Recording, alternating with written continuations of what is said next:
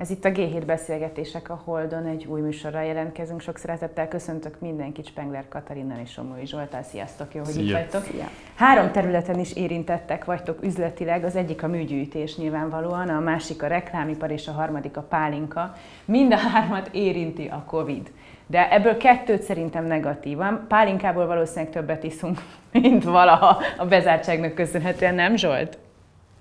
Hát nem teljesen. Sajnos Nekünk nem. A, a, az üzletnek a, a kb. 70%-a az fővárosi um, jó éttermek, és mivel ezek zárva vannak, ezért ott két centenként adjuk el alapvetően, tehát mi nem vagyunk belistázva a nagy hipermarket láncokba, tehát így a webes értékesítés marad, tehát a, a tavaszi lockdown, meg a mostani is, az, az minket nagyon erősen érint. Nincsenek fesztiválok, nincsenek kitelepülések, um, meg hát a, a vendéglátóhelyekbe vannak zárva, úgyhogy, úgyhogy ez, ez sajnos nem.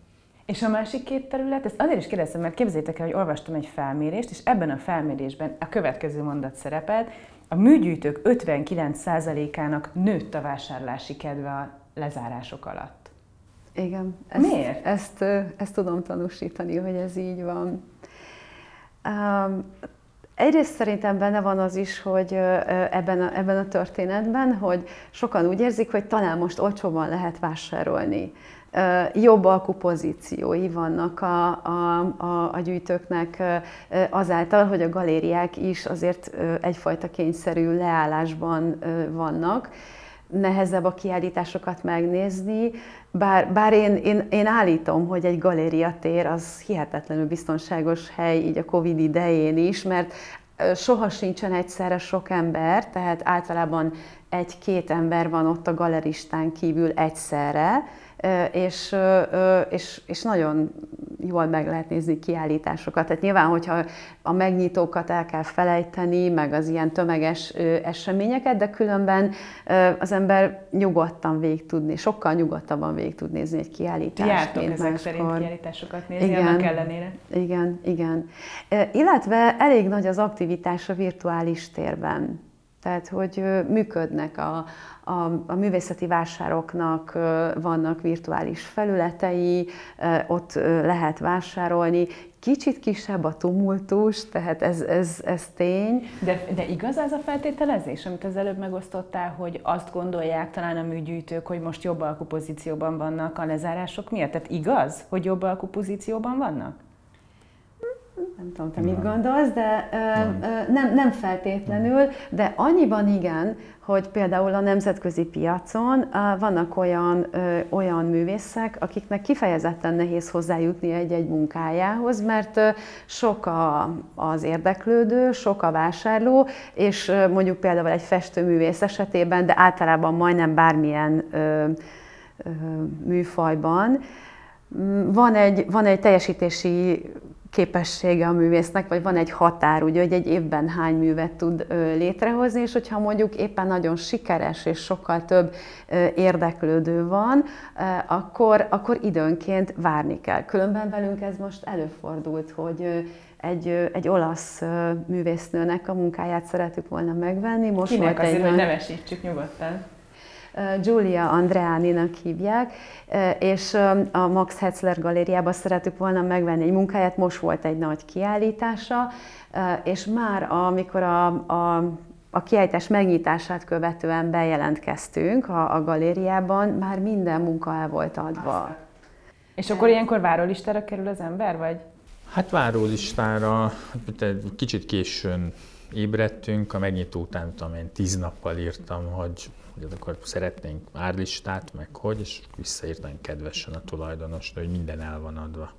De akkor ezt valószínűleg már a megnyitó, nem tudom, első napján, hát vagy már az első igen, nap előtt eladták. Igen, igen, igen. igen. És, és nem ez volt az egyetlen, tehát volt más hasonló. Hát ilyenkor nyilván a galerista feljegyzi, hogy te érdeklődsz a, a, ez iránt, a művész iránt, és amikor majd lesz, akkor, akkor nyilván értesít. Tehát, hogy ez így szokott, ez így szokott működni. Tehát néha igaz, néha nem, hogy, hogy, hogy könnyebben hozzá tudsz jutni egy-egy műtárgyhoz, de lehet igaz. Uh-huh. Lehet igaz. Egyébként most ő például hogy került a radarotokra? Tehát, hogy ennyire tudatosan kerestek valakit? Hát ezt a galériát régóta követjük, nagyon, nagyon tekintélyes, komoly galériáról van szó, az egyik legtekintélyesebb európai galéria. Különben a tulajdonosnővel a, a, a Pompidouban ismerkedtünk meg, és egy utazás során, egy ázsiai utazás, művészeti utazás során, és azóta jó kapcsolatban állunk. Nekünk egy, egy nagy lehetőség volt ez, hogy, hogy ehhez, a, ehhez a nagyon tekintélyes, komoly galériához ilyen közel kerülhettünk. Különben nem feltétlenül ismersz meg egy galéria tulajdonost egy ilyen nagy, komoly galéria esetében, ha csak úgy besétálsz a galériába. És, és hát, az, és hát régóta figyelemmel követjük a kiállításaikat, és ez egy olyan fiatal művész, aki, aki nagyon érdekes új hangot hoz a festészetbe, ami nagyon közel áll hozzánk. Aha, tehát így gyakorlatilag amit ő csinál, abba beleszerettetek, és Igen. akkor elkezdtétek keresni.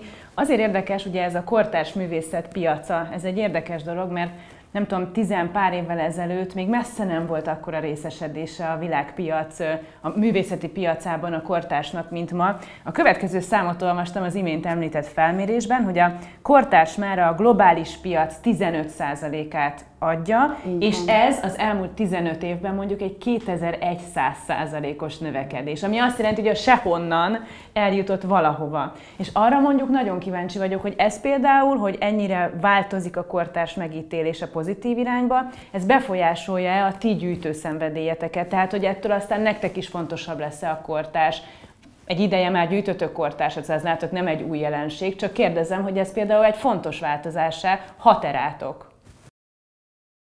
Hát valamennyi visszaigazolásban hat, hogy, hogy igazad volt, mondjuk 25 évvel ezelőtt, meg amit mondjuk 20 évvel ezelőtt megvettél, az mostanra kvázi tezaurálódott, vagy egy komoly vagyontárgyá nem esedett.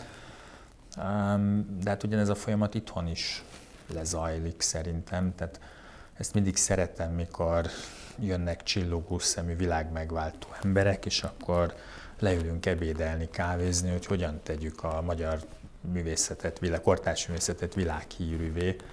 És, és hát ugye ez olyan fajta tárgyi tévedéseken alapult. Tehát egyrészt szerintem a, a, a kortárs üzlet az kb. milliárdos nagyságrendű biznisz ma Magyarországon. Tehát, hogy, hogy amikor, amikor 30 éves, kifejezetten jó, fiatal, 30 éves még mondhatom, fiatalnak számít az ember, 3-5 ezer euró, vagy mondjuk 3-5 ezer euró környékén veszik meg a munkáját, és nem egyet, nem kettőt, az sok pénz. Uh-huh. Ugye visszautalok itt a neavangárd nagy klasszikusainak a 70-es évekbeli 70-es években alkotott műveknek, akár magyar, akár nemzetközi aukciós rekordjaira, tehát itt 20-30-40 milliós tételekről beszélünk. Tehát, hogy tehát a piac van, létezik. Piac van. És akkor, hogyha ehhez hozzáteszed, hogy éppen most is mondjuk Maurer Dórának szóló kiállítása van négy teremben a Tétben, hogy nem tudom én, Nádler István festmény ott lóg a Pompidouban, hogy Keserű Lanától vásárolt a, a Metropolitan. Metropolitan. Tehát, hogy ezek, ezek olyan történetek, amikor a forradalom előtted, jó, hát ez nem egy forradalom, mert nem megrohantuk a téli palotát, és máról holnapra megváltozott a dolog, hanem ebben van egy tíz éves építő munka, de hát olyan dolgok történtek itt, amik, amik előtte soha. Most azért ez érdekes, kíváncsi voltam, hogy mi lesz a birtokos raga végén. Építő munkánk, vagy építő munka? Nem véletlenül kérdezem, mert Tőletek aztán tényleg sokszor kérdezik meg, hogy, hogy hogyan lehetne mondjuk a kortárs, az még elismertebb, stb. De már amikor a Pompidou-nak a Közép-Európai Akvizíciós Bizottságába kerültetek, vagy ugye a Tétnél ugyanez a helyzet, a Tét Modernnél ott az Orosz és Kelet-Európai Akvizíciós Bizottságban, már akkor beszéltetek arról, hogy ez nem önmagában értékelendő a pozíció, hanem hogy van egy multiplikátor hatása annak a munkának, amit ott el lehet végezni. Tehát ha sikeresek vagytok ezekben a pozíciókban, akkor az bizony visszahat a teljes kortárs szénára. És ezért voltam kíváncsi a ragra, hogy mondjátok-e azt, hogy a mi munkánk, mert például Maurer Dórát említetted, Maurer Dóra kiállítása a tétben, az honnan indul? Például tudom, hogy ti szerveztetek műterem látogatást a Tét Modern képviselőinek Maurer Dórához. Igen. Onnan indul? Igen. Így van. Ez volt az első uh, Még sokkal messzebbről indul, uh, tehát uh, már a 80-as években a Tét vásárolt, még akkor nem volt Tét Modern, ugye a Tét Modern 2000-ben lett, már a 80-as években a Tét vásárolt néhány kis munkát Maurer Dórától. Nem tudjuk pontosan, hogy milyen körülmények között, de valami, valami apró dolog már, már szerepelt a gyűjteményben, és ugye amikor megalakult az Orosz és Kelet-Európai Akvizíciós Bizottság, akkor 2013-ban még akkor csak három magyar tagja volt ennek a bizottságnak. Ide látogatott az egész bizottság a tétkurátoraival együtt, és a ide érkezett, és ide érkezett akkor Francis Morris is, aki azóta már a Tét Modern igazgatója lett, és, és akkor nekünk ez egy, ez egy nagyon fontos törekvésünk volt a Zsoltal személyesen, hogy, hogy, hogy meglátogassák a Maurer Dóra műtermét, és akkor mi szerveztük meg ezt a, ezt a látogatást, de sokféle program volt, például a Bookmarks kiállítás, ami a Külői Péter nevéhez fűződik, az is akkor jött létre először, és, és utána nagyon nagy hullámokat vert, tehát aztán tovább épült. Én Bocs, azt kevesen hogy... tudják, hogy a Bookmarks kiállítás az erre a látogatásra szerveződött, és utána lett aztán Aha. több nemzetközi helyszínen, és egy kvázi egy sorozat, bocsánat. És igazából én azt gondolom, nekünk mindig az nagyon fontos törekvésünk volt, hogy, hogy mindig olyan területen próbáljunk meg valamilyen aktivitást kifejteni, és valamilyen projektet kitalálni, ami segíti a magyar képzőművészet helyzetét, ami, ami a mi játszóterünk, hogy úgy mondjam. Tehát, hogy nem próbálunk meg beleavatkozni a kurátorok dolgába, a múzeumok dolgába, a galériák dolgába. Mi azon a területen vagyunk aktívak, ami a gyűjtők útja lehet, és azokban a lehetőségekben próbálunk építkezni, amit, amit a gyűjtők tudnak befolyásolni. És az nagyon fontos a végén, elnézést, csak egy, egy mondatba fejezem, amit mondtál, hogy ez egy építkezés, ez akkor fog ez az út jól működni, vagy akkor fog ez az építő munka jól működni, hogyha mindenki a maga területén megteszi azt, amit meg tud tenni. Tehát a galerista teszi azt, ami az ő dolga, a múzeum teszi azt, ami az ő dolga, az aukciós ház meg teszi azt, ami az ő dolga, és a művész is, és a gyűjtő is. Tehát nem egymás útját keresztezik, vagy nem tudom, hanem, hanem együttműködve. És nekünk például ez nagyon fontos volt ebben az egész munkában, amit Londonban és, és Párizsban végzünk, hogy hogy, hogy legyen itt egy hátország. Tehát, hogy amikor, amikor egy olyan anyagot kell összeállítani és kiküldeni, amiben amiben arra kell számítanunk, hogy egy fontos kurátor ír egy jó szöveget a művészről, amikor a galeristának a segítségére van szükségünk, össze kell szedni, hogy mik az elérhető művek, vagy egy korszakot milyen művek fémjeleznek, stb. stb., akkor ez ott álljon mögöttünk, akkor, akkor ugye az legyen, hogy mi csak szólunk, és akkor együtt, pontosan együtt megcsináljuk azt, amit kell, és oda, ott kint tudjuk prezentálni azt, ami kell. Két fontos kérdés. Az egyik, hogy egyébként ti miért nem csináltatok galériát? Hát ennek, hogy mondjam, ennek több indoka van. A, mondjuk az enyém az az, hogy, hogy a picit ez az egész műgyűjtés az olyan, mint nagyszülőnek lenni, hogy, hogy amikor, amit szeretsz az unokádból, azt megcsinálod, nem mész fel az állatkertbe, meg nem tudom én, sétálsz és szeded a gesztenyét ilyenkor, amikor meg kettőt köhint, akkor visszaadod a szüleim. Tehát, hogy és te adod neki a csokit, a szülő pedig majd így. Van, meg majd ápolja éjjel. És Tehát, ha galerista lennél, akkor hát szülő akkor abból lennél? kell, persze, hát akkor abból élsz, esetleg az a szabadság, ami így megvan. Tehát egyrészt bármikor kiléphetünk, meg visszaléphetünk, semmilyen kötelezettségünk Aha. nincsen, ezt ugye for fun, meg for free csináljuk. Hogyha van kedvünk, csináljuk. Persze ez egy kicsit most már inkább ilyen munka munkának is tekinthető, vagy, vagy kvázi, ugye ez egy fontos dolog, hogy amikor szabadidődben utazol, az olyan, mintha dolgoznék, vagy üzletileg utaznánk, vagy üzletileg mennénk, de, de hogy és akkor hogy mondjam, meg azért bizonyos dolgokban, ami a műkereskedelemben benne van, abban neked nem kell részt venned. meg, meg nem kell olyan emberekkel beszélgetni, akikkel nincs kedved, olyanokkal smúzolni, akivel nincs kedved, olyan művészt kiállítani, akit jól el tudsz adni, de különben nem akarod, vagy nincs kedved. Hát az élvezet a része a fontos a számunkra, meg ez a, meg ez a szenvedély része, és nem akarunk ebből üzletet Igen. csinálni. Nem akartok egyáltalán? Nem. Ez tényleg kérdés számomra, hogy semmilyen ö, ö, esetben nem merül föl bennetek, hogy valami érték álló-e?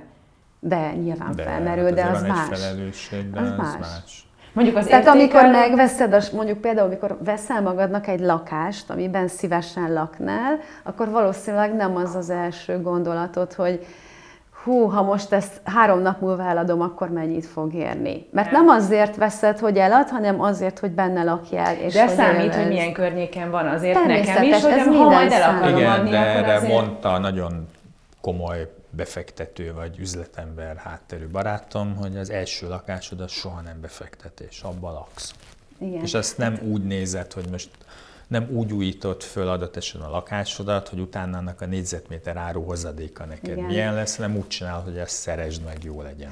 Hát summa summarum szerintem az nagyon fontos leszögezni, hogy a, a műtárgyvásárlásnál mindenképpen figyelembe kell venni az árérték arányt, hiszen nyilván nem akar az ember rosszul járni, nyilván nem akar túl drágán venni valamit, és nyilván nem akar túl olcsón eladni valamit, ha erről, erről van szó, de soha nem ez az elsődleges szempont. Tehát, hogy... Ja, itt cikáznak a gondolatok. Nem, bocsánat, Maurerhez még szeretnék Jó. visszakanyarodni, mert ott szerintem van egy fontos rész is, amit a Kati mondott, csak hogy, hogy ezt perspektívájába, vagy, vagy hogy, hogy hogyan működik. Ugye még annak idején Buzóki András, amikor miniszter, uh, miniszter volt. volt, akkor létrehozott produceri irodákat. És volt könnyű zenének, és volt egy a képzőművészetnek, amit Acaxnak hívtak, és ott ugye a Bencsik Barna volt ennek a vezetője.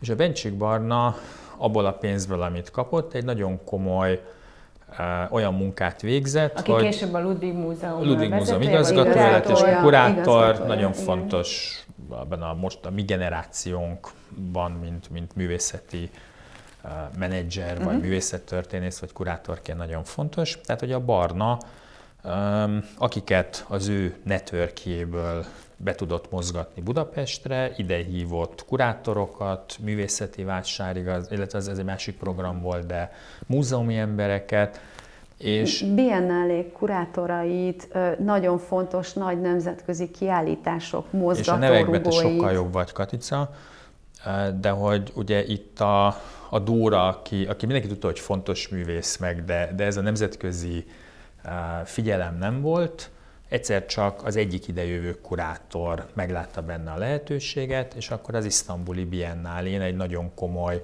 kurátorolt kiállításba belerakták, és akkor elindult egyfajta nemzetközi non-profit figyelem, tehát mint múzeumi uh-huh. és non-profit emberek, hogy van itt egy kiváló művésznő, akinek van egy nagyon komoly életműve, és, és utána a, tét, tehát a tétnek már akkor nem kellett a nulláról kezdeni, hiszen, és egy picit a Pompidou sztori is hasonló volt a Nádlerrel, mert hogyha a Kisterem Galéria nem visz ki egy nagyon erős, nagyon jó Nádler anyagot a Fiák nevű művészeti vásárra Párizsban, ahol a Pompidónak a főigazgatóját, meg a legfontosabb kurátorokat sikerül a vásár bejáráson megakadt a szemük a, az Istvánon, és igazándiból az eredeti vásárlási lista az tök más lett volna. Hadd mondjak valamit, mert talán éppen Bencsik Barna mondta, amikor megkérdeztem arról, hogy szerintem mi a titka annak, hogy épp Maurerdóra jutott el a tétbe.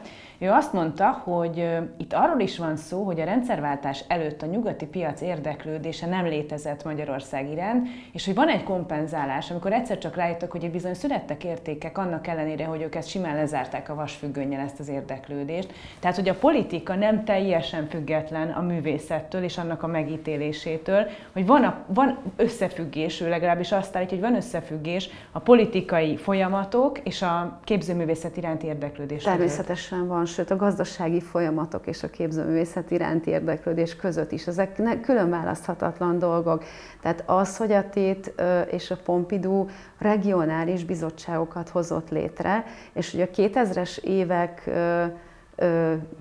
elejétől vagy közepétől úgy gondolta, hogy nem lehet többé kizárólag nyugat-európai és, és észak-amerikai gyűjteményekben gondolkodni. Ez, ez nagyon erőteljesen a, a globalizáció hatása, a politika és a gazdaság hatása.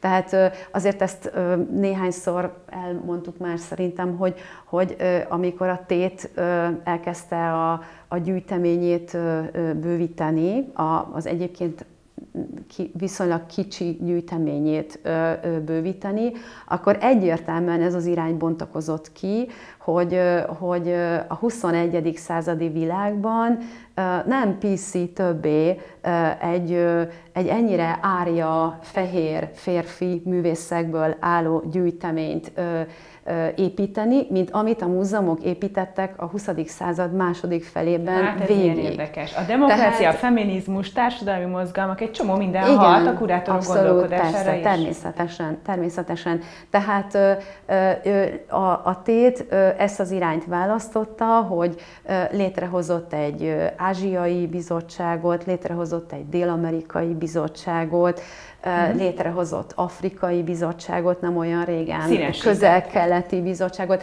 hát hogy mondjam, beemelte a, a kánonba a globális művészetet. Ezt is csináljátok egyébként, amikor nemzetközi és magyar művészeket egymás mellé raktok, hogy azok lépjenek párbeszédbe, és ebből szerintem óriási tudatosság Természetesen, de egészen más azt mondani, hogy mi Európában élünk, tehát az európai művészet kontextusában vizsgáljuk a magyar művészetet, mint azt mondani, hogy mondjuk a latin-amerikai művészet kontextusában vizsgáljuk a magyar művészetet, és különben pont Maurer Dórához ez, ez nagyon is kapcsolódik, hiszen Maurer Dórát már a karrierje fölívelésének a, a kezdetétől egy-egy dél-amerikai művészhez, nőművészhez kötik, mm. és ugye a Dóra iránti érdeklődés, egyre fokozottabb érdeklődésben is benne van az, hogy a nőművészeket, a nőművészekre fókuszálnak a kurátorok, mm. és egy ilyen jóvátételt is igyekeznek végrehajtani. És azt is el kell mondjam, hogy például a tétben legutolsóként jött létre a, az Orosz és Kelet-Európai Bizottság, már gyakorlatilag szinte minden régiónak megvolt a maga akvizíciós bizottsága tétben, amikor, amikor ugye Kelet-Európa felé fordultak. Tehát itt ennek nagyon fontos szerepe van, és ugyanez igaz a Pompidura is, ahol egy kicsit később, néhány évvel később zajlottak le ezek a folyamatok, mert hiszen ott egy állami intézményről beszélünk, ahol nyilván egy kicsit lassabb a, az átfutási idő, hogy úgy mondjam, vagy a végre, egy ötletnek a végrehajtási ideje, vagy egy tervnek a végrehajtási ideje, de ott pontosan ugyanez a, ugyanez a folyamat játszódik le. Tehát ez valóban egyáltalán nem független a politikától. Ez nagyon érdekes, és mondok egy nevet, Grayson Perry. Uh-huh ő vele hogy, hogy vagytok, vagy mi, mi a viszonyatok hozzá? Hát a gyűjteményben van munkája, és már a 2000-es évek elején elkezdtünk foglalkozni az ő, ő munkásságával. Ő egy brit művész egyébként, aki előszeretettel öltözik női ruhákba, imádja a média, és azt tudom, hogy egyszer elmulasztottátok megvásárolni az egyik vázáját Budapesten, és annak az árnak a sokszorosáért kellett aztán Igen. végül megvennetek. Igen. És nem hogy még szebb legyen a történet, annak a kiállításnak a kurátora a Bencsik Barna volt. Ott kérek a Fabi Júlió volt, de, Na, igen. De, de a, igen. jelenlegi vezető. Igen. igen. Igen, tehát hogy ö, ö, szóval ez egy nagyon, ö, különben pontosan ez, a, ö, ez az egyik legszebb dolog a kortás művészetben, ö, és ez az egyik legvonzóbb, hogy, ö, hogy ö, elmész a műcsarnokba, és ez már 2010 előtt volt jóval, hogy elmész a műcsarnokba, megnézed egy nemzetközi sztárművésznek a kiállítását, és utána egy hónappal később, vagy egy évvel később, vagy teljesen mindegy másnap besétálhatsz egy galériába, és megvásárolhatod akár egy, ha van elég pénzed, egy múzeumi értékű alkotását, vagy még annál jobbat is. Ez egy könyvben szerintem ez egy óriási vonzerő a kortás művészetben. De ha ez egy ráfizetős dolog volt, miért kellett mégis? nem, nem, ráfizetős. nem ráfizetős dolog volt. Van egy mondás itt a, a műkereskedelem, vagy, vagy nem lehet drágán venni, csak későn. De itt ez az esetben megtörtént, vagy nem? Ne, hát hogy mondjam, tehát hogy, hogy későn kvázi vettünk, nem buktunk. Vettünk. Tehát, hogyha akkor vesszük, akkor nagyon-nagyon sokat keressünk rajta. Így meg úgy oké okay, a dolog. De ezt nem bánjátok? Hát, nem? sokkal többet ér, úgy érted? Igen, igen, mert igen, hogy nem igen, adjuk igen, el. Igen, igen. Tehát, hogy nem, hát van ilyen, az ember soha nem tudja, tehát egy kicsit azt is megkérdezhetem, hogy, hogy, tehát hogy, hogy egy autó árával, vagy egy bármilyen termék árával is így van, hogy, hogy 20 évvel ezelőtt nem annyiért lehetett megvenni, mint most, de bánod, hogy nem akkor vetted meg? Hát bánhatod, de most ennyi az ára, és most ennyiért kell megvenni. Jó, Tehát, értem, hogy, értem. Vagy egy lakásárával, hát, vagy nem egy tudom. Tehát, hogy lehetőség. Tehát, van, tehát van egy csomó, hogy valami ott volt. Ez, ez egy nehéz dolog, meg szerintem ezen nincs, nincs is értelme jó. Hogy mondjam, nem, nem, nem, csak tehát, hogy ott van előtted, vagy felismered, vagy készen vagy rá, vagy tudod, hogy mi az, amit veszel, vagy mi az, amit nem veszel.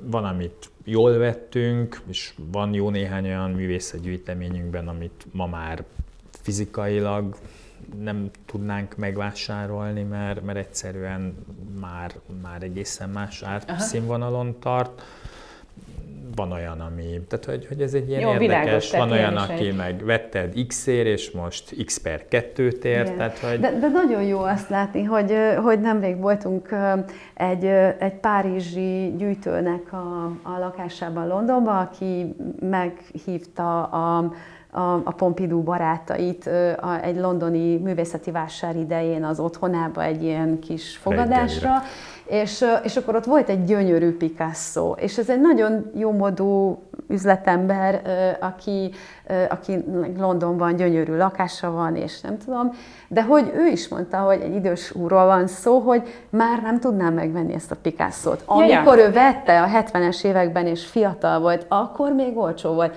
ma már nem tudnám megvenni. Egyébként Tehát, hogy olyan, van. olyan érdekes, ez a művész, akit szóba hoztam, ő mondta, hogy a demokráciának rossz az ízlése.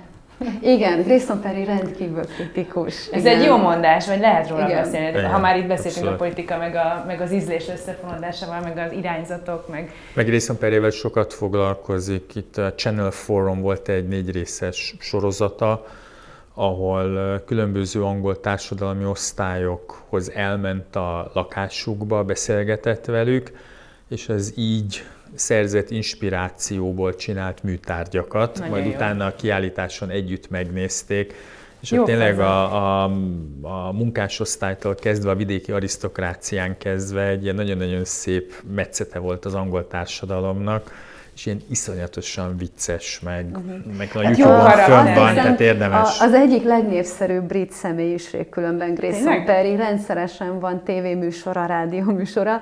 Most azt figyelem az Instagramon, hogy ma, ma, mostanra a hashtag Grayson Perry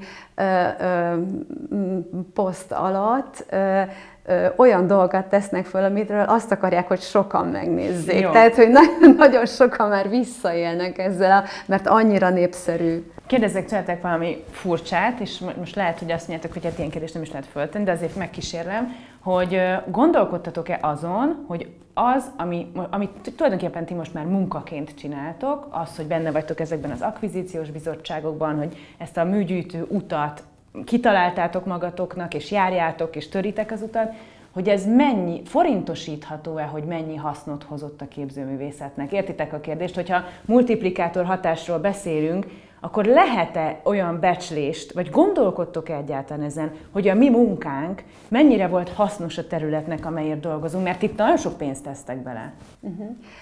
Szerintem nem gondolkodunk ezen, úgy igazából, mert szerintem nem máson gondolkozunk, mindig, mindig azon gondolkozunk, hogy hogyan lehetne egy újabb projektet, projekttel előmozdítani egy, egy újabb műnek a bekerülését a múzeumi gyűjteményekbe, meg egy-egy újabb művésznek a, a kiteljesedését, de hát szerintem ez egy jó példa például a Nádler Istvánnak a, a, a példája, akinek a, a, a képeit, festményeit ilyen kettő-három 7 és 7-8 millió közötti áron lehetett megvenni mondjuk egy aukción Budapesten, vagy akár a műtermében is néhány évvel ezelőtt, és amikor mióta az elmúlt két évben pedig, ugye most nem csak, hogy megvásároltam mondjuk a mi eléggé jelentős anyagi segítségünkkel a Pompidou egy munkáját,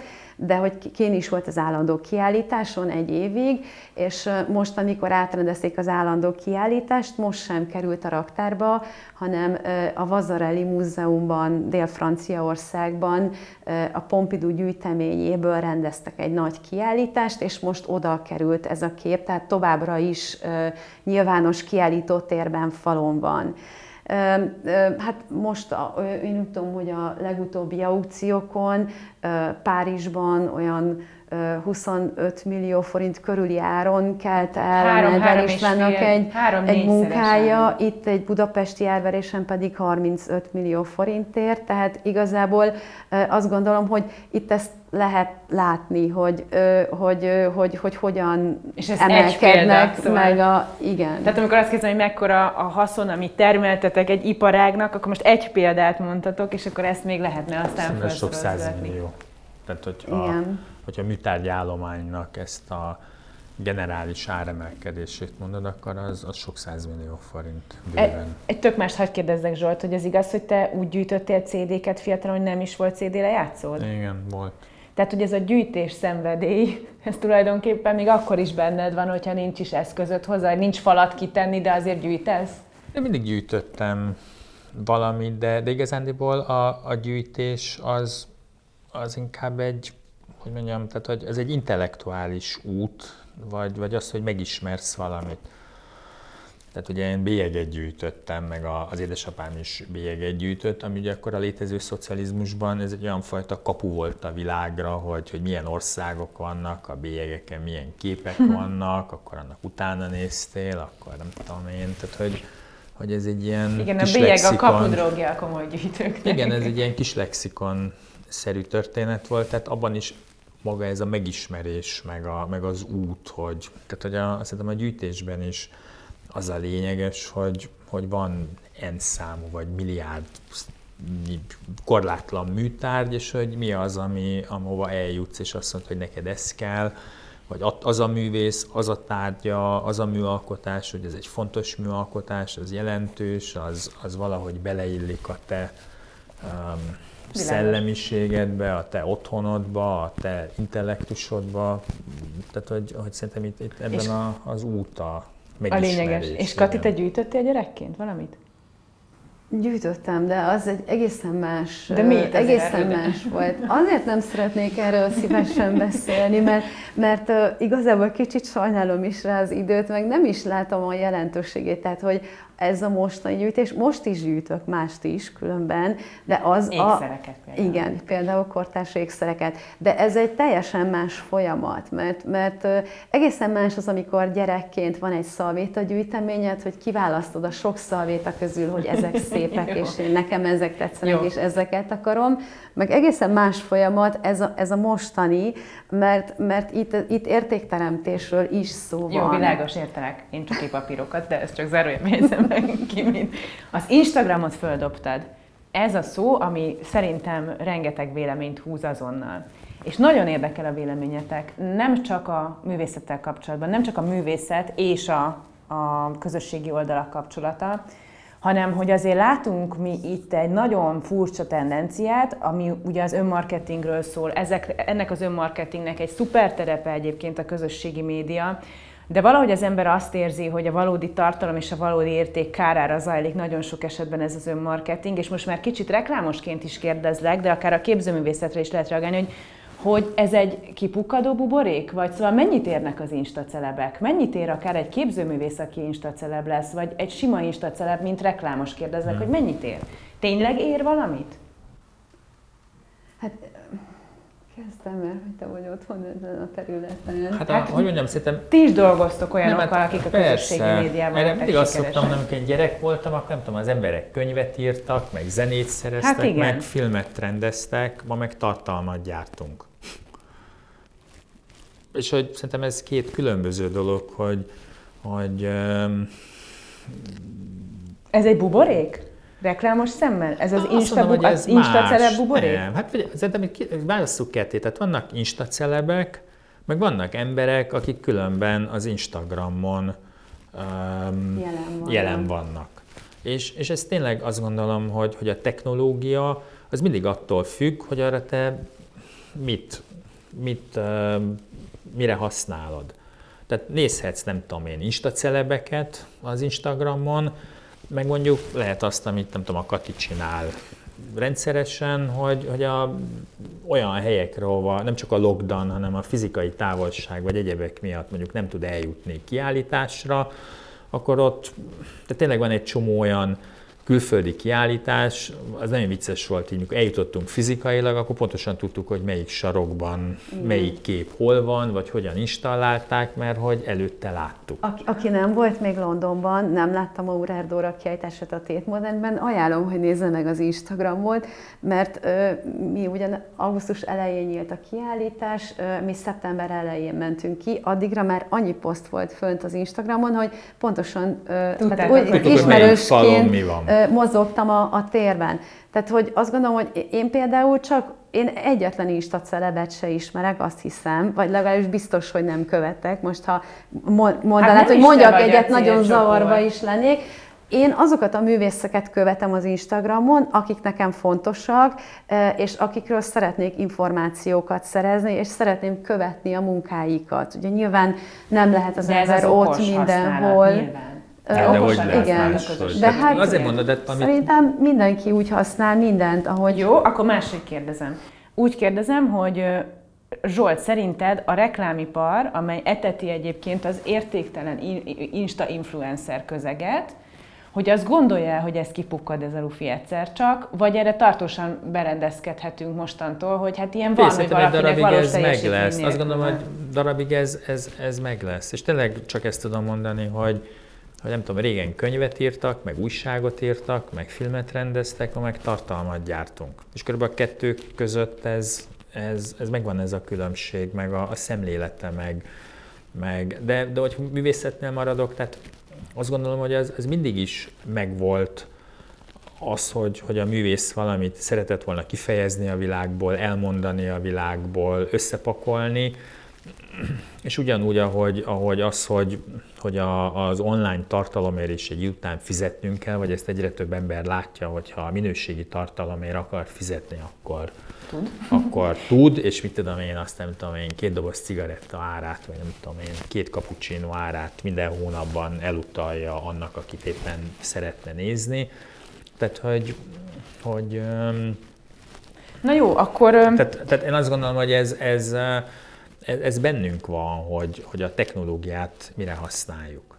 Tehát... Jó, nem, nem is ez, persze, hát mindenki úgy használja, hogy akarja. Én tényleg arra voltam kíváncsi, hogy buboréke az, hogy emberek tényleg abból élnek, hogy reklámokat tesznek ki a saját oldalukra, és ez a teljesítményük, vagy nem buborék, hanem tartósan így marad, pont a világ átalakult, szokd meg, vagy szökj meg. Hát figyelj, szerintem ennek meg a hitelessége, tehát nem tudom, én, és tényleg akarok ilyen nagyon boomer lenni, fiatal, vagy hozzánk közel álló, nem tudom én, fiatal lányjal beszélget, és ott hogy tényleg nem értem, hogy amikor valamelyik celebed mondja, hogy ezt a rúst vedd meg, azt miért hiszed el jobban, mint mondjuk bármely nagy globális márka, ahol több száz ember végez kutatást, meg, meg kísérleteznek, meg iszonyatos komoly HACCP-k, meg technológiai biztonság, meg egyéb van, azt miért, miért nem azt választod, hanem miért nem azt, amit valaki összekotyvasz neked a, a konyhádban, és, és akkor nagyon érdekes volt, mert, mert amikor kijött egy, szintén az Instagramon egy fiatalember, aki a, a ezeket az Insta celebeket um, tette egészen más megvilágításba, akkor ez a fiatal hölgy az összes, kikövette az összes eddig követett Insta celebjét. A Kajdi Csaba milyen? Nem a Kajdi, nem a Kajdi, Azt nem, a, szerintem a Kajdi semmivel nem vagy hogy mondjam, tehát, jó, tehát, tehát az nem akarok ebbe a történetbe jó, értem, belemenni, tehát, hogy ő is elindult valaminek, aztán lett valami, tehát az, hogy mindegy, de ez most nem ide tartozik. Jó, De hogy, de hogy azt gondolom, hogy ez, ez meg egyszerűen a, az általános iskolába, vagy, vagy nem tudom, a középiskolába egyszerűen meg kell tanítani a gyerekeket, hogy ezt hogyan kell elég, ahogy a közlekedési táblákat megtanulod, hogy hogyan tudsz közlekedni a, a, az úton, és hogy milyen szabályok vannak. Ugyanúgy szerintem, hogy a médiában mi valódi, mi nem valódi, mi fék, mi... Tehát, hogy hogy ezért is nem tanulni. hiszek, vagy, vagy magam részéről, azért is fontos egy akadémikus, struktúrált tudás, amikor a Google-be beütöd, nem tudom én valamit, és akkor kijön neked az első találat, akkor tudnod kell, hogy ez most a enciklopédia Britannica, vagy éppen valami lapos földhívőnek a Abszolút, tök jól igen. algoritmusban optimalizált izét. Ez egy jó nagy kihívás szerintem, egy jó, jó nagy kortás kihívás. De a reklámról mást is akartam kérdezni, hogy azért ez úgy vezettem fel ezt a beszélgetést, hogy három terület, és abból kettőt biztosan negatívan érint a COVID. Ha valamit negatívan érint a COVID, az biztos vagyok, hogy a reklámipar. Vagy hát én magam olyan számokat olvastam, hogy 2020-ra 38%-os visszaesést várnak ezen a piacon, igen, és hogy eddig is már bizonyítottan erős visszaesés van, és ezzel párhuzamosan van két trend, ami szerintem nagyon megnehezítheti ezt a területet, de majd kijavítasz, ha nem. Az első trend az állami hirdetések növekedése, ami nagyon-nagyon erősen befolyásolja ezt a piacot is, és a médiát is, tehát hogy hova vannak elhelyezve az állami hirdetések. A másik nagy trend azok a nagy technológiai cégek, amelyek gyakorlatilag a reklámtorta nagyon nagy részét lefölözik, miközben tartalmat nem kell előállítaniuk, vagy nem arra megy el a, a, a nagy pénzük, hogy azt állítsák elő, azt előállítják a szerkesztőségek adott esetben. Szóval, hogy ez a három trend, ez mennyire rodjantja meg a reklámpiacot? Hát figyelj, ugye én médiában dolgozom, tehát a, persze látom a, a társ kategóriákat, valóban a rendezvényszervezés, BTL, a kreatív produkció, tehát amikor nem tudsz ugye a Covid miatt filmet forgatni, ezek, ezek, ezek valamennyire visszavetették, illetve az veti vissza egy picit, hogy a, a beszerzésed, meg a vásárlásod, ez egy nagyon tudatos történet lett. Tehát félsz a Covid-tól, beszaladsz a boltba, és az előre megírt listád alapján célirányosan megveszed A. azokat, amit a leggyorsabban tudsz megvenni, B. amit a legjobban ismersz. Uh-huh. Tehát mondjuk egy márkának az új íz variánsát, azt most nem fogod bevezetni, mert az alapcuccot akarod megvenni, mert, és azok a márkák jönnek ki jól, akiknek a legerősebb a márka értékük, akik az emberek legjobban bíznak, meg a legjobban tudják. A különben nagyon érdekes volt, mert a, a saját cégemnek a, a, a praxisában, tehát egy csomó ügyfél visszavágta a költségvetését ilyen április-májusra, voltak ügyfelek, akinek iszonyatosan jól ment, tehát ahol harmadik műszakot kellett berakni, és Jellemzően milyen terület? Hát figyelj, ez legkülönbözőbb terület. Hát most mondok példát, van mondjuk autógyártó ügyfelem, aki dupla annyi sportautót adott el, mint tavaly. És nagyon egyszerű. De vajon miért? De... Nagyon borzasztóan egyszerű. Azért, mert mit tudom én, amikor mondjuk nem mentél el két hétre Ibizára nyaralni, vagy nem tudom, a Maldívra, hanem, hanem viszont szeretnél valami kényeztetést magadnak, akkor és akkor veszel egy sportkocsit. Azt hittem, hogy mivel... Vagy egy műtárgyal.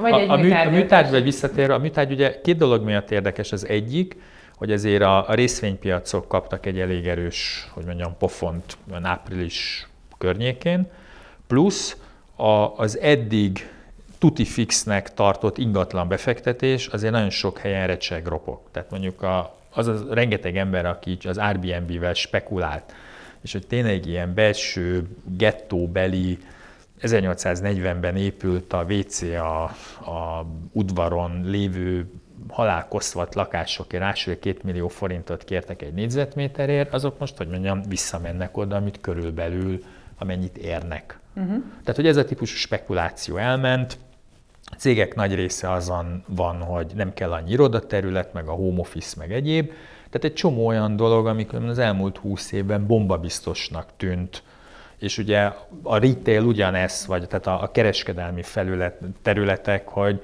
hogyha online vásárolsz, akkor nem kell annyi üzlet. Na most mind a három fontos területe a, az ingatlannak, az bizonytalan. A részvény bizonytalan, tehát van egy menekülő út, ugye nem véletlenül az aranyárát mindig mondják, hogy hogy van, meg, a, meg az ingatlan. amit az állami hirdetőkről kérdeztél, az szerintem az két ilyen párhuzamos valóság. Mert? Hát mert, mert, mert mit tudom én, a nem tudom, Mondok egy kell, adatot, vagy egy 19-es adat, az Tök első, mindegy, de, de ez... a növekedő a tendencia, és ez az érdekes, hogy az első öt hónapban a hirdetések 26% állami hirdetés, ne a számokon akadjunk, mert biztos ilyen szám meg olyan szám is van, ez 19-es adat, 20-as adat, ugyanúgy első öt hónap 32%. Jelentős a növekedés. Igen, de ebben nem, a, hogy mondjam, de azt nézd meg, hogy az állami hirdetés az milyen százalékban valósul meg nem valamilyen állam közeli felületen. Tehát ez egy, ez egy buborék. Hát tehát most azt mondod, hogy az állami hirdetés meghatározott helyekre megy? Hát van egy zárt rendszer, hogy ki, ki adja fel a hirdetést, ki közvetítés, hol, hol van az ernyő, amiben belelandol. Nekem aztán igazándiból tök mindegy, hogy most az állam Na, de nem, nem, 50 nem, milliárdot költ, vagy még 100 De, de, de nem, nem mindegy, mindegy, hogy hogy költi el, és hol költi el. Tehát, hogy ezzel belenyúl a média és a reklámpiacba is. Ha megnézzük, mondok egy másik adatot, egy 2017-es info. A, igen, 145 milliárd forintnyi állami megrendelés 40%-át három reklámügynökség kapta. 40%-át három reklámügynökség. És én erről beszélek, hogy belenyúl az állam és priorizál, és megváltoztathatja az erősorrendet a médiában és a reklámiparban is. Ez kétségtelen, hogy olyan, tehát a, a vagy most az, hogy tényleg, most nem akarok ebben, ebben... Pedig ez nagyon érdekes, hogy ez lehet, hogy érdekes, de hogy mondjam, tehát, hogy a, a, az, hogy a regionális sajtóban ma az államon kívül senki nem hirdet. Tehát az, hogy mondjuk az állam elkölt 5 milliárd forintot regionális napilapokban, ahol rajtuk kívül az íg a világán senki más nem költ. Tehát azért mondom, hogy ilyen párhuzamos valóságok vannak. Tehát, hogy mit tudom én, a pesti srácokon, meg az origó, meg nem tudom én, állami cégek elköltenek csiriárdokat.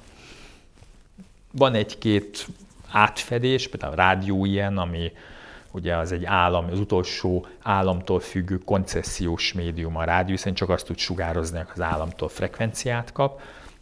Az ugye van benne rengeteg kereskedelmi hirdetés, mondjuk a TV2-n is van rengeteg kereskedelmi hirdetés, de ezek, mondjam, ezek külön futnak. Tehát, hogy, hogy az hát én üzletemben nem mindegy, ez hogy egy napilapot fenntart-e az állam a saját hirdetéseivel, amelyet egyébként az előfizetői nem feltétlenül tartanának fönn. Ezért mondom, hogy belenyúl. Ezt értem, de ez meg nem a médiapiaci, tehát ez nem az én piaci e, történetem, igen? ez egy társadalmi, meg egy Igazán morális. Ugye én, amikor én a szakmámat kezdtem, akkor akkor tele voltunk ilyen nagyon durva, nagyon kemény angol száz fiúkon szocializálódtunk a 90-es években. És akkor ez egy ilyen borzasztó teljesítményelvű, a, a médiaipar az egyik legkompetitívabb ipar, tehát folyamatosan tenderezünk, folyamatosan versenytárgyalunk, folyamatosan benne vagyunk. A, azért, hogyha megnézed ezeket a, a statisztikáidat, millió céget lehet mondani, akik 3, 4, 5, 8, 10 évvel ezelőtt állami pénzből iszonyatosan sokat. Mondj egyet, ami, ami jelen pillanatban működik, és, és miután kiesett az ilyen típusú pixisből, ma még operál, és, és történik vele bármi. Annak idején német Péter, mint a Népszava főszerkesztője azt mondta, hogy szerinte ez így nem jó, hogy a hirdetéseket 30-70 vagy valamilyen szavazati arányba kellene elosztani, mire én azt gondolom, hogy például amikor én először dolgoztam az államnak, még, még a Magyar Államkincstárnak 95-ben, akkor azt mondták, hogy nézzük meg a nézettséget, nézzük meg az ezer fő erésére eső költségeket, és akkor aki jót hirdetünk, aki meg nem jó, az nem hirdetünk. Na ezt a világot visszasírod. Értem, de német Péter sem ezt mondta, hogy, hogy különben én hozok ennyi hirdet, annyi fogyasztót, én hozok ennyi embert, és akkor ezért a teljesítményem ellentételezésére azt mondta, hogy nézzük meg a parlamenti arányokat, és akkor úgy kapjunk állami hirdetést. Szerintem ez egy,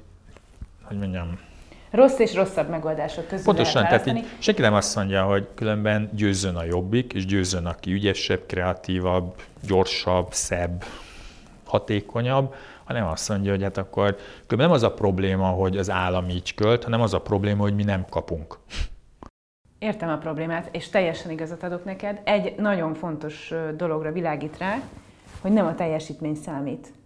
És ez egy nagyon fontos Igen, állítás, amit most van. mondtál. Tehát visszasírjuk-e azt a világot, amiben azt gondoltuk, hogy az számít. Mondjuk a 90-es éveket, amiről már beszéltünk.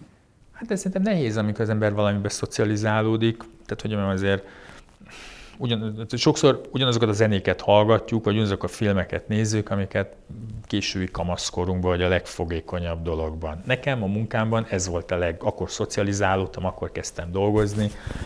Én azt gondolom, hogy hosszú távon az számít.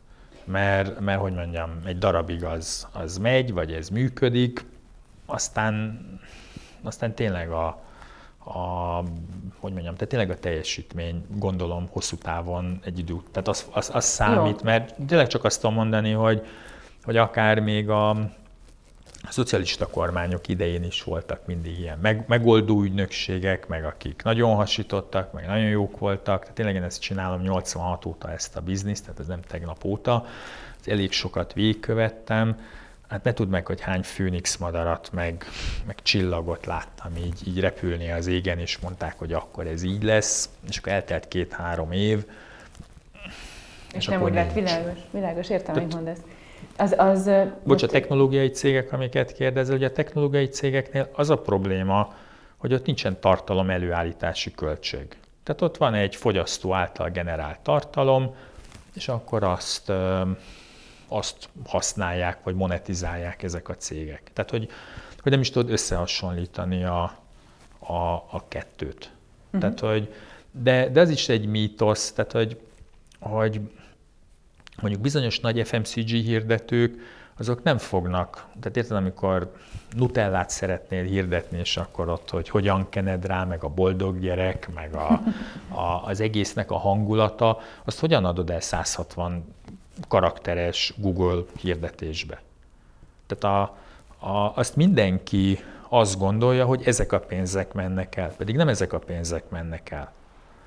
A, a, a technológiai cégekhez alapvetően a napilapoknak az apró hirdetési oldalai, a HVG-nek a középső, az a 60, mondjuk oldal, az a 60 oldalas álláshirdetési melléklete, és mondjuk a Yellow Pages, a szaknévsor, meg ezek a cégek mentek el.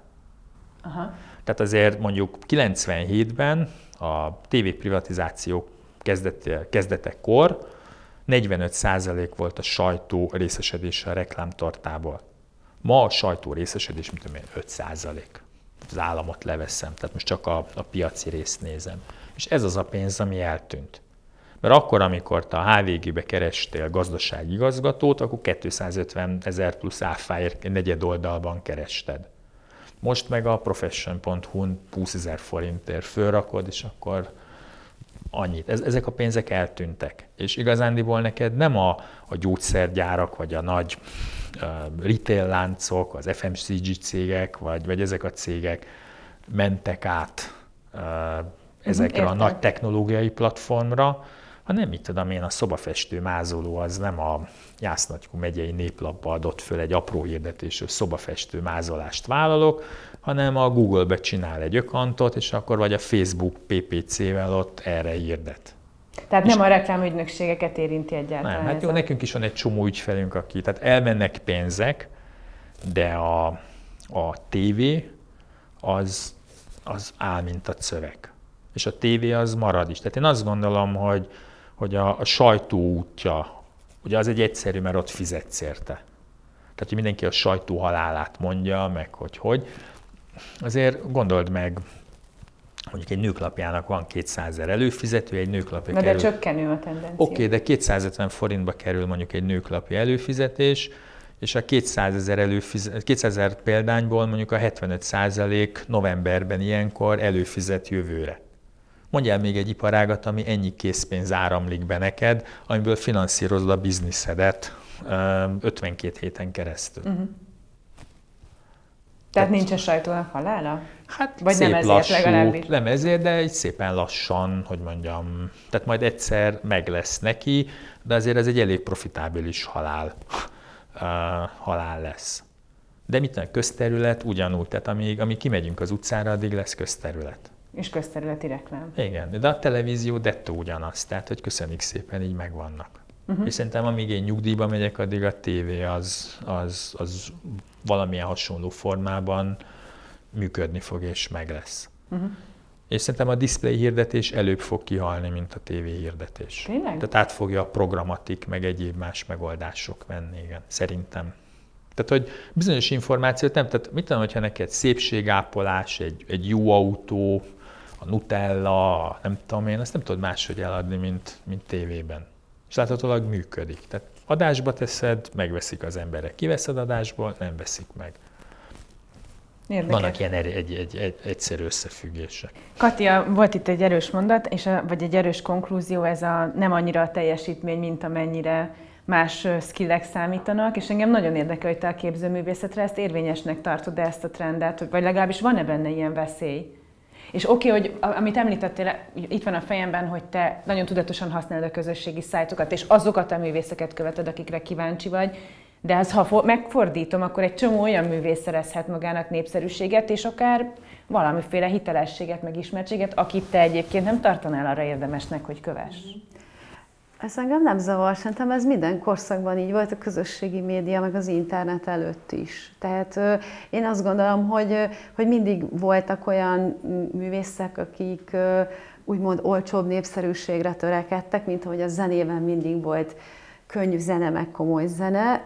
Ugyanúgy a képzőművészetben is van ugye a, a, a, könnyebben az a, Igen, hát van, van, van egy olyan, nyilván van egy olyan ö, felszínesebb, könnyebben fogyasztható, ö, ö, a, a, az populárisabb irány, ö, ami, ami sokakat kielégít, valószínűleg nem ez fog a múzeumokba kerülni. De attól ez még, ennek még megvan a maga helye és a maga létjogosultsága, én úgy érzem. Tehát engem ez például egyáltalán nem zavar. Az, az, a, az a kellemetlenebb, amikor valaki nem tudja, hogy minek hol van a helye. Tehát nyilván ez, ez egy bizonyos edukációt igényel, hogy, hogy valaki el tudja dönteni, hogy, hogy neki elég az, ami, ami könnyebben fogyasztható, és és, és adott esetben ez kielégíti, hogyha ő azt gondolja, hogy ez valami más, és nem a helyén tudja értékelni, akkor, akkor érhetik meglepetések, például akár az árban is, vagy, vagy a műtárgypiaci, vagy a, vagy a szakmai megítélést illetően. De különben pontosan ennél a pontnál, amikor a Zsoltal beszélgettetek, pontosan az fogalmazódott meg bennem, hogy Sajnos mindez valamennyire a művészeti világot is érinti Magyarországon, hiszen, hiszen van olyan, amikor az állam azt gondolja, hogy azért, mert valamilyen művészetet értékesnek tart, attól az értékes is lesz. Tehát nem a teljesítmény alapján, különben a szocializmusban is volt ilyen. Hát nyilván. Természetesen. nyilván. Tehát, de ugye itt már, már túl vagyunk a szocializmuson, és pontosan látjuk, hogy, hogy egyetlen egy művész sem lett értékes attól, mert politikusok azt mondták, hogy ez számukra értékes és hiteles Nem, jól élni lehet ettől, aztán maradandóan, maradandóan értékesnek lenni meg nem feltétlenül, de te adtál tanácsokat a Nemzeti Banknak, ugye, hogy milyen műtárgyakat vásároljon. Igen, jelenleg is. Még mindig. És hogy ott például mennyire átnyomhatóak azok a szempontok, hogy időtálló érték? Hát a Nemzeti Banknak ez a legfőbb szempontja, hogy, hogy, hogy időtálló, a értékes művek kerüljenek a gyűjteménybe. Aha, Igen. tehát, hogy hallgatnak erre a szempontra, Igen. és nem, a, nem, az, nem az a fontos, hogy nem tudom, valaki, olyas valaki kapja a megbízást, vagy nem tudom mit, aki, aki mondjuk politikailag közeli ember. Hát én azt gondolom, hogy akkor nem szakértőkkel dolgoznának. Uh-huh. Igen. Jó. Tehát én, én azt gondolom, hogy, hogy, hogy erre, erre, erre mindig figyelemmel kell lenni, hogy, hogy adott esetben vannak divatos művészek, meg populáris művészek, és, és vannak olyanok, akiket lehet, hogy egy adott pillanatban kevesen kedvelnek, vagy kevesen ismerik fel az értéküket, és aztán van, de ez, hogy mondjam, itt mindig a hosszú távú értéket kell nézni. Tehát nem, és, és nagyon fontosnak tartom, hogy nem az árat, hanem az értéket. Tehát az ár és az érték az sajnos nem minden esetben fedi egymást a műtárgypiacon. És erre mindenkinek, aki, aki műtárgyat vásárol, figyelemmel kell lennie. Egy dolgot hadd kérdezzek még tőletek, hogy nagyon sok mindent csináltatok már, és tettetek le az asztalra. Van most következő célotok? Tehát akár lehet egy művész, akit nagyon szeretnétek, vagy megismerni, vagy megszerezni, vagy lehet egy művész, akit szeretnétek valamelyik helyre eljuttatni, ahol, ahol ott vagytok? A mindig tévbe, van ilyen célunk. Mindig. mindig lehet valami nem, nem, nem tudsz olyan pillanatot mondani, amikor ne törnénk a fejünket valami Ti otthon ültök, és ezeken gondolkodok, hogy mi hát legyen Nem otthon, de... Nem. Ja, nem otthon volt. De néha igen. Hát éppen most is benne vagyunk egy ilyen Na. akcióban. Párizsban készülődik valami fontos dolog, de sajnos erről még nem De arról lehet, hogy lesz sajtóközlemény, mert azt tényleg, ha meg leszek, az fontos. Ennyire lesz. közel van? Igen. Igen, igen, már ilyen minden, a minden órás. Egy tehát ilyen minden órás. Csak, csak hogy értsem, hogy nem fogtok nevet említeni, megértettem, de hogy tulajdonképpen arról van szó, hogy valaki el fog jutni a Pompidouba? Igen, igen, igen, igen. Valaki nagyon fontos, vagy aki el fog jutni, igen. Jó, nem, akkor tehát, hogy visszatérve ehhez a gondolathoz, tehát hogy igen. az a lényeg, hogy valaki el valaki, fog jutni a Pompidouba. Igen, igen, igen, igen. Ez régi igen. sztori, tehát már egy másfél igen. éve tart. Sokat do- sok, régóta dolgozunk ezen a, ezen a dolgon, és úgy tűnt, hogy ez idén egyáltalán nem fog Kútba sikerülni. Esik. És végül egy egy nagyon okos, Na, mit cseles húzásra sikerült mégis uh, mégis ö, ö, odáig, ö, odáig juttatnunk a dolgokat, ö, és egy nagyon komoly összmunkával különben, tehát ö, egy komoly nemzetközi Sokan vannak. konspirációval. Abszolút konspiráció, soros kettő. tehát, hogy konspiráltatok igen, sokakkal, igen, hogy ez igen, a dolog, igen, ez igen. a terv megvalósul. Meg azt tudod, az fontos, hogy, hogy ott lenni. Tehát, hogy, hogy, hogy ez, ez nem csak az, hogy most tudom én, tag vagy, és akkor befizeted a díjat, hanem ez akkor működik, hogyha, hogyha fizikailag sokat kontaktálsz velük. Tehát akár mondjuk egy fontos vacsorára kiutazol Párizsból, hogy akkor reggel elindulsz, este megvan a vacsora, és akkor másnap este hazajössz. És akkor ott, mert, mert akkor ismersz embereket, van egy, egy, vagy ők is tudják, hogy ki vagy, összeszed, beszélgetsz, kicsit ott smúzolsz, vagy de tudod, tehát, hogy, hogy ott vagy, jelen benne vagy, vagy, jelen vagy, látják a fejedet, mondjuk lehet, hogy ez nem tartozik ide, de például amikor a tavaly a Pompidou baráti kör elhatározta, hogy, hogy nemzetközivé teszik a, a 105 éves baráti kört, és külföldiek is az elnökséget, és, és külföldieket is lehet nominálni, akkor persze rögtön mondták, hogy, hogy a hivatalos nyelv angol lesz, és semmi probléma, és majd, majd egyéb, és akkor ott um, sikerült, vagy ott én voltam az egyik kandidáns, és hárman kerültünk amúgy be nem franciák, de ahogy megjött a felkérés, mondtam a Katinak, hogy letették a nagy esküt, hogy itt a, a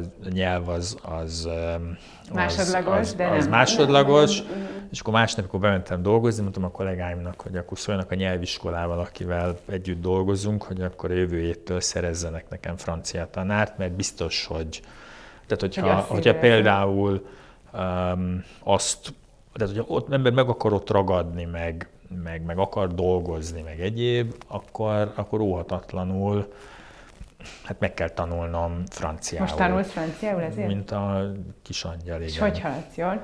Hát meg, kell, meg azt mondom, Nagyon hogy, hogy a, az ilyen telefonkonferenciák olyan 70%-ban értem, amit mondanak. És nulláról kezdted, és most már Hát valami, gyerekkoromban valamit, általános iskolában tanultam, tehát nem teljesen nulláról, de hát azért nagyjából nulláról. Tehát, hogy ilyen gyerekversikékre, nem tudom, egy csomó, de dolgok emlékeztem, hogy tudtam rendelni az étterembe. idáig vagy. Körülbelül igen. De hát most mostanra úgy meg tudok uh-huh. beszélni, meg uh-huh. mondatokat összerak, tehát hogy tehát, hogy ez is így beletartozik a, a történetbe, hogy, hogy neked... Igen, tehát, hogy kell, hogy legyen egy élő kapcsolatod a kurátorokkal, meg a múzeum vezetőivel, azokkal az emberekkel, akikkel együtt dolgozunk, így ezekben a, ezekben a folyamatokban, de nem csak velük, hanem ezt úgy kell elképzelni, hogy hogy egy ilyen bizottság van, minden a régió országainak a kép, képviselői ülnek, tehát olyan műgyűjtők, akiknek fontos annak az adott országnak a, a, a művészete, a kortás képzőművészete, és azt hajlandók finanszírozni, és, és segíteni a munkájukkal is, meg a pénzükkel is, hogy abból az adott országból, meg a régióból bejussanak művészek a, a gyűjteménybe. És amikor van, minden évben van egy adott büdzsé, és amikor, amikor arról szavazunk, hogy, hogy ki jut be, akkor ott van egy érdekérvényesítés is, hiszen minden ország jelöltjeiből minden évben nem tudunk vásárolni. Tehát nyilván uh-huh. itt mérlegelni kell, hogy ha egy idősebb művészről van szó, az nyilván sokkal többe fog kerülni, ha egy fiatalabb művészről, akkor az valamivel kevesebbe, de hogy mikor, melyik országból jut be művész, meg hogy hogyan, hogyan oszlik el ez a büdzsé az egyes kandidátusok között. És hogy ez igazából akkor lehet ezt a munkát jól csinálni, hogyha a tagokkal van egy olyan, a többi országban élő tagokkal van egy olyan informális kapcsolat is, hogy ismerjük egymást, tudjuk, hogy nekik mi fontos, hogy ő, ők is valamennyire tudják, hogy nekünk mi fontos. Tavaly például a Pompidouba nem nem jutott be ugye magyar művész, nem. de akkor például, mivel nekünk fontos volt, hogy a, hogy a, a cseh gyűjtők, egy bizonyos ok miatt fontos volt, hogy a cseh gyűjtők választásait és pártfogoltjait mi is támogassuk, akkor például még a büdzsén felül külön is a magyar gyűjtők támogatták a, a, egy, támogattak egy cseművészt külön pénzzel. Hát hiányzott az alapbüdzséből valamennyi kevés. Néhány ezer euró, és akkor, euró, és akkor a magyar, magyar gyűjtők összeadták, hogy, hogy ez a cse, fontos cseművész bejusson a gyűjteménybe. Pontosan azért, hogy, hogy számíthassunk hát arra, egy... hogy majd, majd lesz egy másik olyan alkalom, amikor meg és egy aranygolyót, amit be tudsz váltani. Tehát, hogy ez egy ilyen vagy tudod, amikor együtt utaz, elmész egy ilyen study tourra, akkor együtt utazol emberekkel, egy hétig össze vagy zárva, ülsz a buszon, akkor mit tudom én, akkor leül melléd mondjuk a Bernard Blisten, aki a főigazgató, akkor ott vagy együtt reggelizel vele, mert ő is erre, hogyha már eljöttél, akkor figyel arra, hogy a mi asztalunk közül az egyik reggelin, akkor a másik, a, és akkor van vele. Tehát akkor, akkor mégiscsak egy ilyen fontos nagy emberrel, aki akin három titkárnőn tudsz átjutni, akkor ott, akkor ott együtt ülsz a buszon, vagy együtt reggelizel, vagy el tudod neki mondani, hogy te mit gondolsz, vagy mit szeretnél, vagy, vagy hogy megérteni, hogy ő neki mi a gondolkodás módja, és mi az, amire így megcsillan a szeme, és mi az, amire bezáródik. Tehát, hogy uh-huh.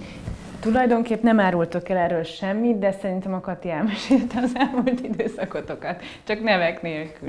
És ha jól értem, nagy nemzetközi összefogás, tehát sok pénz, akkor idős művész, akkor elkezdhetném szűkíteni. Klasszikus, Jó, fontos, de meglátjuk. Tehát mindegy meglátjuk. megfogod.